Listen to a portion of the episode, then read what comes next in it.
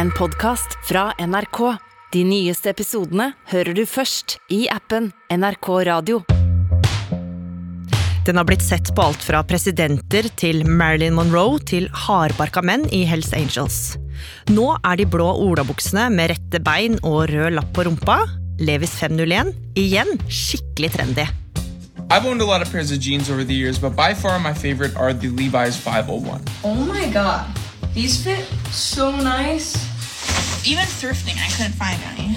So I went with the Levi's 501 because they're such a good pair of jeans. Men det få kjenner til, er den helt spesielle historien om hvordan de karakteristiske buksene kom til Norge lenge før det tok av i Europa.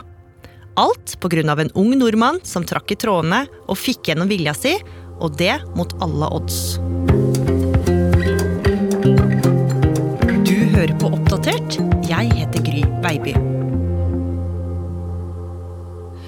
Mari Reisjå, du er eh, journalist her i Oppdatert, og du har snakka om Levis 501 i flere dager nå. Eh, ja, beklager det, men jeg er helt sjokka. Altså, disse buksene de selges for 2000 kroner på Tice nå. Det er en firedobling i prisen. Det er helt ellevilt.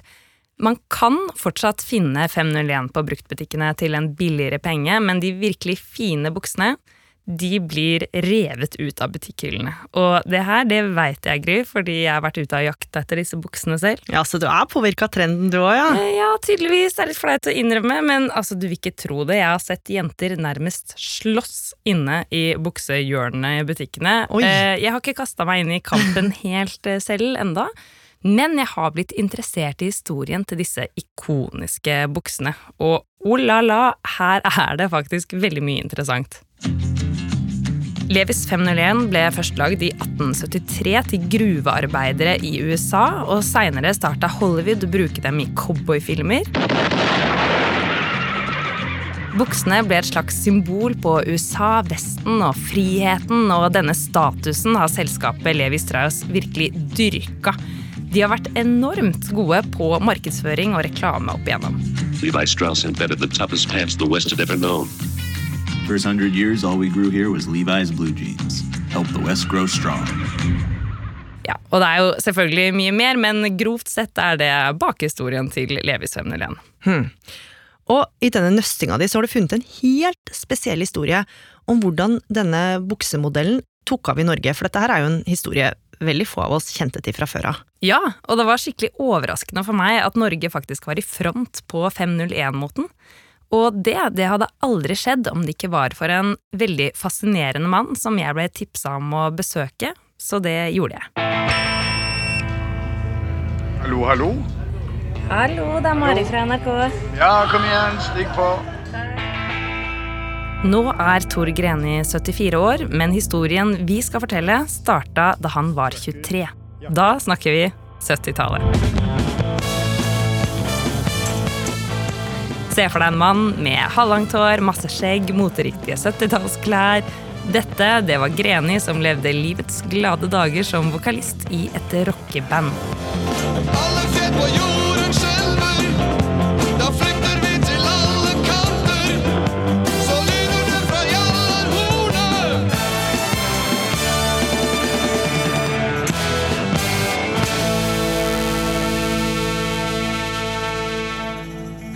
Og etter en konsert, mens fansen sverma rundt bandet, så kom det en mann bort til Greni.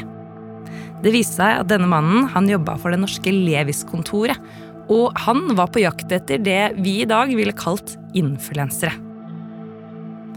Derfor spurte han om Greni og bandet Undertaker Circus kunne tenke seg et samarbeid. Og bandet de sa ja, de blei med på det her. Levis var jo kule, og de kunne få litt gratis klær. Og det første eventet, det var veldig spesielt. Vi spilte konsert i jeansavdelingen til Mæren i Grensen, og invitasjonen til publikum var badeshow. Så de bada rundt der på scenen? Ja, ja. Og spruta vann, og det var satt opp badebasseng midt i scenen, og en liten runway. Og så kom, hadde vi med to fotomodeller som kom og viste fram kordbukser. For det var det Levis eh, markedsførte, og det var det som hadde begynt å ta da allerede. Greni han må ha gjort en god jobb, fordi etterpå så ble han ansatt som markedsfører for Levis Norge. Og det her, det var hippienes storhetstid. Han reklamerte med stor suksess for buksene som var supertrendy på denne tida. Det var altså kordfløyel og bukser med sleng. Men han skulle snart få øynene opp for en annen modell, nemlig Ur-Levisen, den originale 501. Så i 1974 leser jeg en artikkel i Rolling Stone om utviklingen i USA, og forstår at nå må vi ta tak i 501, for nå kommer den til å bli en av de viktigste produktene for Levi's framover. Disse buksene de skilte seg ut fra moten på den tida, både når det kom til utseende og til komfort. Den originale Levis 501-buksa er nemlig en sånn shrink to fit-bukse. Eh, Det er en bukse som var så stiv at eh, du helst skulle bade med den, og så liksom forme den etter kroppen for at den skulle sitte perfekt. Og så, etter at du hadde brukt den masse, så ble den jo mer eh, myk og behagelig. Og Greni han fikk jo skikkelig trua. Disse buksene måtte han få til Norge. Men det skulle vise seg å ikke bli så lett som han først trodde. Hvorfor ikke det? Nei, altså, Det her er jo litt rart for oss som er vant til at trender sprer seg som ild i tørt gress gjennom sosiale medier, men Tor Greni var rett og slett forut sin tid. For selv om han var overbevist om at Levis i Norge måtte ta inn buksene, var ikke sjefene like begeistra. Eh, Levis Norge, Sverige og Danmark var eh, organisert i Levis Nord-Europa med London som hovedkontor, så vi var underlagt dem. Og når vi henvendte oss til hovedkontoret i England og sa nå bør vi begynne å tenke på å ta inn de originale, fikk vi ingen respons på det. Og for å si det rett ut Levis kontor i London skjønte ingenting av hva som foregikk. Sjefene kunne jo ikke skjønne at noen ville ha denne stive buksa, og det her var jo kjempeirriterende for trendsetteren Tor Greni som satt her i Norge og ikke fikk tak i det han mente var den kuleste buksa i hele verden. Men eh, så skulle han ha litt flaks på en tur til nabolandet vårt. Når jeg var på jobb i København under Scandinavian Fashion Week der, og gikk off-strøket i en liten mystisk butikk som het Roger, så finner jeg 501. Der ligger de, stive og fine, tatt inn direkte fra USA via venner fra New York og San Francisco, amerikanere som bodde i Danmark. Og da tenkte jeg nå må det her handles, og kjøpte tre par som jeg tok med hjem til Oslo. Og for første gang kunne jo da Greni kjenne med sine egne hender på buksene han hadde drømt om, og da skjønte han jo at han var på sporet av noe stort. Så nok en gang gikk han til sjefen sin og trygla om at de måtte finne en måte å få disse buksene til Norge, og han må ha vært overbevisende, for sjefen, han sa ja. Og vi prøver igjen med London. London sier nei, og da tenker vi ok, da må lille Norge handle på egen hånd. Da tar Levis Norge kontakt direkte med San Francisco og får beskjed om at ok, 501 var fantastic, at vi ville prøve det, men minstekvantum for å shippe til Norge var 6000 par. Dette at de måtte ta inn så mange bukser, det skulle by på problemer. Ikke for å gå for dypt ned i tekniske detaljer om markedskreftene på 70-tallet, men Levi sitt hovedkontor i USA var strenge på at man bare kunne bestille inn klær som man trodde at man kunne få til å selge. Og her hadde jo Tor Greni masa seg til å bestille 501-bukser, og plutselig satt han der med tusenvis av bukser i kjelleren. Men hvorfor kunne han ikke bare selge dem, da? Altså, det kunne virke som at de gammeldagse sjefene i London hadde rett. Det ble rett og slett skikkelig vanskelig å selge disse stive, ubehagelige buksene. Butikkene som skulle selge buksene, nektet faktisk å ta dem inn. Hvordan starta du å få de her buksene ut til folket? Jeg begynte å gi dem bort til folk som Jahn Teigen f.eks., fotomodeller, fotografer, som skjønte hva som skjedde, men butikkene ville fremdeles ikke ta det inn.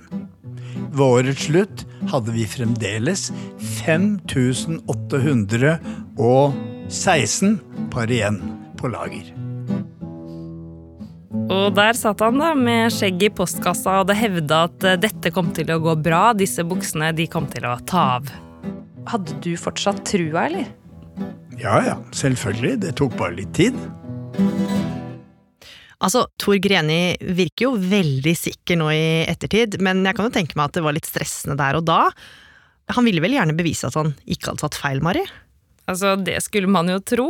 Det hadde jo gått lang tid, og fortsatt tok ikke butikkene inn denne buksa. Men det skulle jo vise seg at han hadde gjort noe riktig med markedsføringa, for snart skulle det skje noe han aldri kunne forestilt seg. For mens Greni satt i Oslo, reiv seg i håret, blei mer og mer utålmodig, så hadde han ingen anelse om at fire menn gikk rundt i London fra butikk til butikk på jakt etter 501 uten å finne det noe sted. For London-kontoret hadde fortsatt ikke kjøpt inn buksene? Nei, nei, nei, det hadde de jo ikke. Og, men du spør meg heller hvem disse fire mennene var. Hvem var de fire mennene, Mari? Det var ingen ringere enn medlemmene av det legendariske punkrockebandet Sex Pistols. Og det her, det var i en tid hvor de mildt sagt eh, skapte mye furore. Låtene deres var forbudt å spille på BBC, og denne sommeren skulle de spille konsert i Oslo.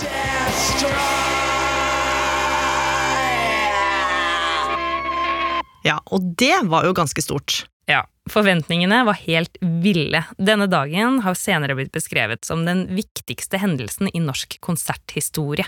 Man snakker om tida før og etter Sex Pistols-konserten.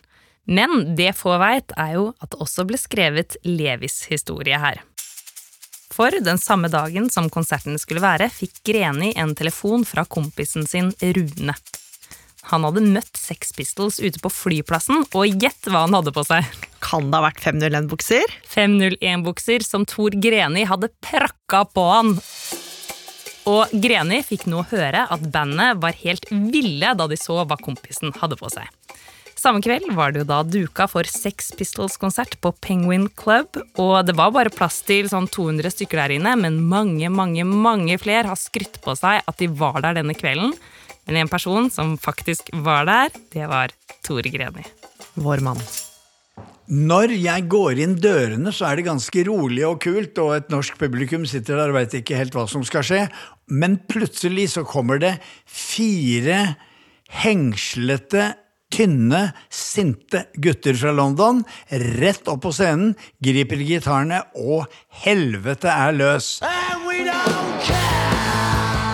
Det er fullstendig kaos, og det tar en stund før et sjokk øh, ja, sjokkskadd norsk publikum klarer endelig å get the grips, da, og komme inn i det. Og så prøver de jo da, og noen kaster jo øl på scenen og sånn. Og det blir litt håndgemeng, og noen tøffinger skal liksom opp på scenen. Så bassisten, da, Sid Vicious, er jo i ferd med å bruke gitarhalsen sin til å slå en fyr i huet for å få han til å komme av scenen. Så det, ja, det var skikkelig fest på lokalet. Det var det, altså.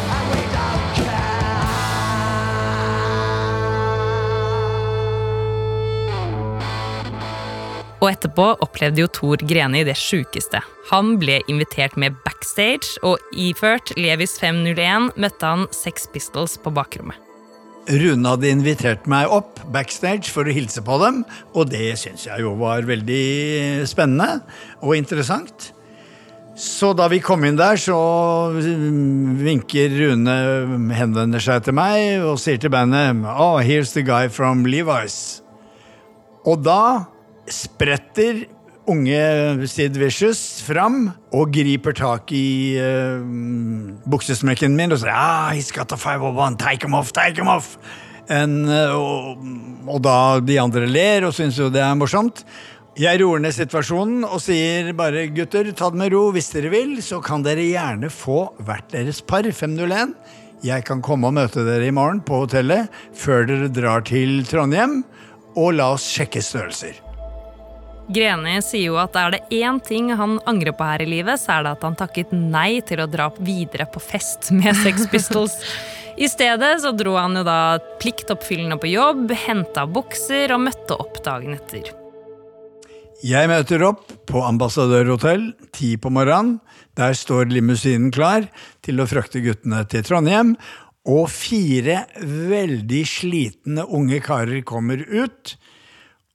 Og når de ser meg, så sier John Johnny Rotten, da altså, Han kom! Han kom! Og tar buksa, bretter den pent sammen, tar meg i hånda og sier takk skal du ha. This has been a remarkable day in my life. Og unge Vicious strippa på fortauet, så de unge damene som jobba på ambassadørhotell, sto og fniste i vinduet og så på han med sine lange, blå ben, som gikk rett inn i sin 501 i størrelse 28 liv. Eh, og jeg tror kanskje ikke han tok dem av seg før eh, veldig, veldig lenge etterpå. Og sånn ble Levis 501 et varemerke for Sex Pistols. Det er jo helt utrolig, alt takka være en nordmann i 20-åra. Og nå, Mari, så måtte vel sjefene både i Norge og London innse at Grenian hadde jo hatt rett hele tida, at denne modellen her virkelig hadde livets rett. Ja, jeg har inntrykk av at det var ganske kult for Greni å komme inn på jobb denne mandagen. Og sjefen i Norge syntes dette her var stas, og ting begynte endelig å røre på seg. Og det er klart at i vår organisasjon, våre selgere, fikk nå en flott historie å fortelle kundene, som etter hvert begynte å jobbe litt med 501. Hva skjedde i England, da? Fremdeles Radio Silence, ikke noe særlig respons i England. Etter dette starta altså norske butikker å ta inn Levis 501, og salget tok seg sakte, men sikkert opp. De 6000 buksene Greni hadde oppbevart i kjelleren, var solgt etter to-tre år, og så sier han at det tok helt av. Alle ville ha 501. Hele Levis fikk et oppsving, og ifølge Greni hadde hver fjerde nordmann et par Levis i skapet på et tidspunkt. Jeg har prøvd å sjekke det her med Levis Norge nå, men de har visstnok ikke noen oversikt over salgstallene i Norge fra 70- og 80-tallet, så jeg har ikke fått verifisert det helt. Men nå tok det ikke bare av i Norge, men også i resten av verden. Ja, for på 80-tallet så kom jo Bruce Springsteen med Born in the USA, og ser man ikke en Levis-bukse på baklomma på platecoveret der, da? Jo, det stemmer. Lenge etter at trenden var et faktum i punkmiljøene, innser jo Levis hva som skjer, og begynner å reklamere for fullt. Levis 501 ble igjen symbolet på Vesten og USA, og jeg har lest at buksene ble solgt for skyhøye priser på det svarte markedet inne i Sovjetunionen. Og nå, i 2022, så er de altså skikkelig populære igjen. Ja. Jeg har snakka med motejournalister som sier at det kan henge sammen med mange ting, f.eks. at moten blir mer komfortabel og trygg jo mer krig og elendighet det er i verden. Det kan jo kanskje stemme, eller så kan det jo være at Levis har betalt en masse penger til store kjendiser som Kylie Jenner, Hailey Bieber, Marcus Rashford for å promotere nettopp 501 i det siste. Ja, det er vel ikke helt umulig det, men er det først og fremst brukte 501 folk vi ha? Ja, de gamle buksene holder tydeligvis bedre kvalitet enn de som selges i dag, og så er jo folk mer og mer miljøbevisste. Jeans er jo en klimaversting. Tor Greni fortalte meg faktisk at han trua med å slutte i Levis da de starta å steinvaske buksene, altså gjøre sånn at de ser slitt ut og er mer komfortable før de er brukt. Ikke bare fordi det forringer kvaliteten, men det krever litervis med vann. Så ja, jeg skal i hvert fall selv fortsette å lete etter et perfekt slitt eksemplar av Levis 501. Men du kommer ikke til å starte å slåss i bruktbutikkene for klær av den grunn? Nei takk.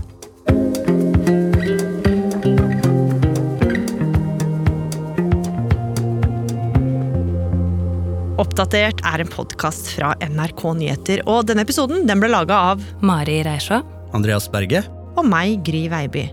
Programredaktør er Knut Magnus Berge. I denne episoden så har du hørt klipp fra TikTok-kanalene til Bryce Kicks, Hallelujah og Sophie Carswell. Du har også hørt lyd fra NRK. Og en spesiell takk til motehistoriker Ragnhild Brochmann. Har du tips eller innspill, så må du gjerne sende redaksjonen en mail. Mailadressen vår er oppdatert krøllalfa nrk.no. Hei! Har du lyst til å bli rik? Sånn skikkelig rik? Seks millioner norske er det største jeg har vunnet på én dag. Jeg heter Kristian Strand, og i podkasten Millionærhjerne møter jeg unge mennesker som tjener sykt mye penger. At jeg har på konto alltid minst tre millioner. Minst. Lær deg de smarte triksene fra pokermillionæren, musikkmillionæren eller gamingmillionæren. Millionærhjerne hører du først i appen NRK Radio.